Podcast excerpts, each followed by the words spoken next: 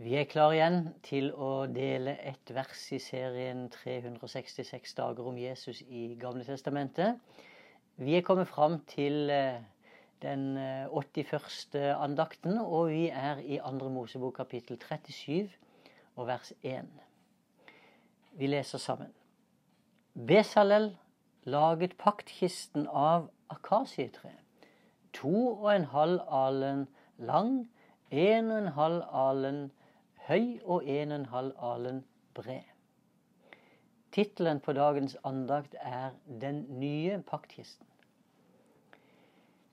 Paktkista som ble satt i teltet i det aller helligste, det var jo det viktigste som Moses fikk beskjed om å lage. Og den var selve beviset på Guds nærvær blant folket sitt.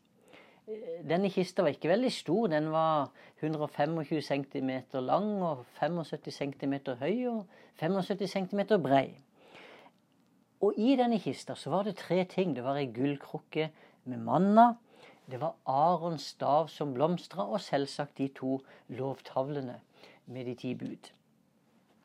I og med at Guds nærvær var forbundet med paktkista, så hadde den en veldig stor betydning og en sentral plass i Israels historie. Først så sto den jo i tabernaklet som ble reist der ute i ørkenen, og seinere så fikk den jo en sentral plass i det aller helligste, i tempelet som Salomo bygde. Men så var det slutt. Etter at paktkista hadde stått i tempelet der i noen hundre år, så ble den borte. Sannsynligvis så mener bibelforskere at den forsvant da babylonerne inntok Jerusalem i år 587 før Kristus. Etter den tid så hører vi ikke mer om paktkista, og dette var jo da på, på Jeremias tid. Det at, men det at paktkista ble borte, det hadde jo sånn sett bare en symbolsk betydning.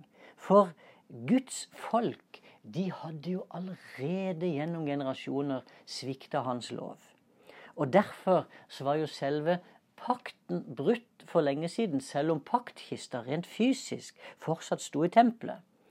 Og Derfor så åpenbarte jo også Gud for Jeremia at uh, den gamle pakten den var forelda, den skulle snart være borte. og Derfor så talte han om en ny pakt som han skulle opprette, og som var annerledes enn den gamle. Denne pakten skulle ikke opprettes utenfor menneskene, men i menneskenes hjerter. Paktkista som Moses laga i ørkenen, som jeg sier, den er borte for lenge siden. Men så finnes det en ny paktkiste som Gud har satt i verden i dag. Og denne kista, det er Jesus Kristus selv. Det er en himmelvid forskjell på den gamle og den nye paktkista. I Gamle testamentet så hadde jo ikke folket mulighet til å komme nær paktkista. Bare prestene var betrodd en sånn tjeneste eh, der de kunne komme i fysisk berøring med kista. Dette fikk jo en som het Ussa erfare på skremmende vis da de førte paktkista opp til Jerusalem på Davids tid. Så ble oksene som, som dro vogna den sto på, de ble ustyrlige. Og Ussa, som var med i følget, han rakte ut hånda, og så eh, tok han tak i, i, i eh, kista eller i vogna så ikke den skulle ramle av. Og siden han ikke var en del av prestene, så døde han momentant fordi han rørte ved kista. I Nytestamentet så er det heldigvis annerledes. Den nye paktkista som Gud har gitt, er det ikke lenger bare noen få utvalgte som har mulighet til å berøre på utsiden. Nei, gjennom troen på Jesus Kristus så inviteres alle verdens mennesker til å komme inn i paktkista og bli en del av pakten. Dette er gjort mulig for oss ved troen på Jesus Kristus og, og, og på, den, på, den, måten så er vi blitt en del av hans kropp. For du ser, da Jesus døde på korset, så tok han oss med. Vi døde sammen med ham. Vi sto opp sammen med ham. Og i kista så lå jo også Guds lovbud. Og loven ble oppfylt på Jesus da han sona all synd på korset. Og siden Jesus tok oss med i sin døde oppstandelse, så ble jo også lovens krav oppfylt i oss, for vi var jo der. Vårt gamle menneske ble lagt i paktkista, ble lagt i Kristus og korsfesta sammen med ham. Og Derfor så er det ikke lenger noen fordømmelse for dem som er i Kristus Jesus. For vi har jo dødd og er befridd fra synden. Den største forskjellen på den gamle og den nye pakthista, det er jo imidlertid at den første pakthista den måtte bli båret av menneskene. Dette viste at lovens krav fortsatt lå tungt på menneskene. I den nye pakt så er det menneskene som selv blir båret i kisten av Jesus. Som den, som, den, som den, første paktkista hadde et innhold, så må jo også den nye kista ha et innhold.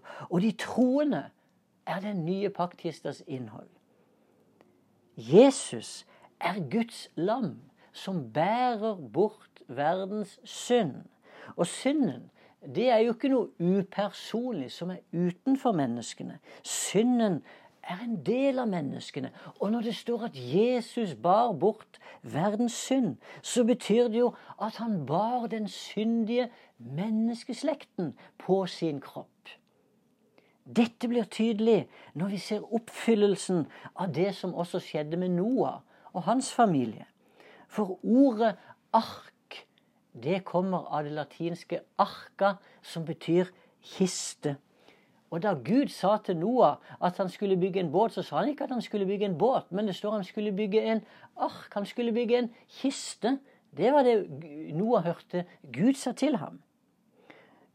Paktkista, den vet vi også kan oversettes med paktens ark. Så historien om Noah det peker jo på noe som går langt utover paktkista i Gamle Testamentet. For sånn som Noah og hans familie ble berga da de ble lukka inne i denne arken, altså i denne kista. Sånn har vi blitt lukka inne i Kristus. Alle som er i den nye paktkista, de er berga.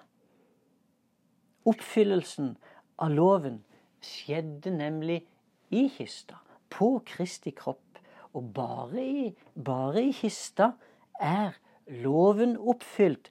Bare de som er i kista, er rettferdige for Gud. Sånn var det jo med Noah-familien også. Det var jo bare de som var i arken, de som var i kista, som ble berga. Alle som er utenfor, de er fortsatt under Guds dom og må selv bære sine synder. Men ropet fra himmelen er det er fortsatt mulighet å komme inn i denne arken, i denne kista, som er Kristus. Jesus, vi takker og vi priser deg for at det finnes en sånn paktkiste i verden i dag, hvor vi kan bli berga.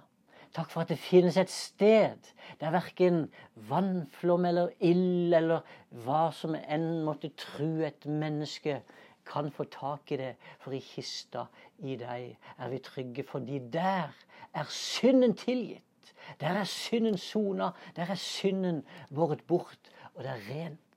Takk, Herre, for at du har ført oss inn i denne kista. I Jesu Kristi navn. Amen.